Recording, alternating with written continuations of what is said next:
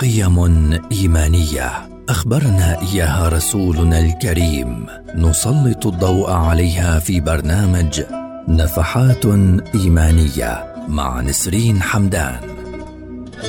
برنامج نفحات إيمانية يأتيكم خلال شهر رمضان المبارك في مثل هذا الموعد عبر أجيال.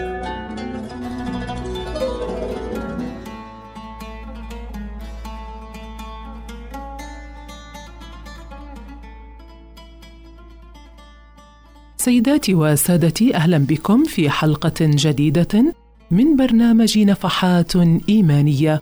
ونتحدث اليوم عن شجاعة النبي صلى الله عليه وسلم. الشجاعة كما عرفها ابن القيم هي ثبات القلب عند النوازل. ونبينا صلى الله عليه وسلم كان أشجع الناس على الإطلاق. والسيرة النبوية مليئة بالمواقف الدالة على شجاعته وقوته. الشجاعة والقوة التي تجلت في أروع صورها جهادا في سبيل الله وثباتا عند الشدائد والنوازل ودفاعا عن الحق ونصرة للمظلومين وقد شهد له بذلك أصحابه وأعداؤه.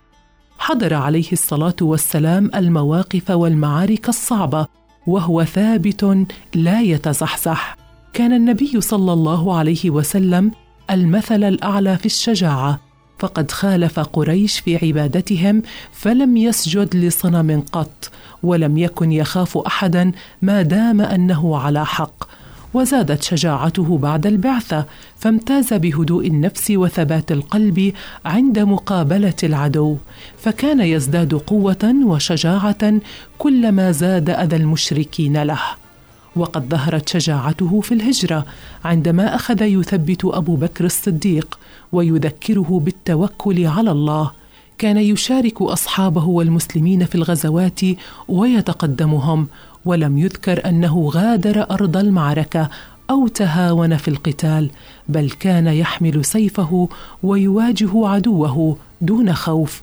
والأمثلة الدالة على شجاعته وقوته صلى الله عليه وسلم من سيرته وحياته كثيرة ومنها شجاعته في غزوة بدر وأحد وغيرها من غزوات قادها بنفسه. سيداتي وسادتي دمتم بكل خير وإلى اللقاء.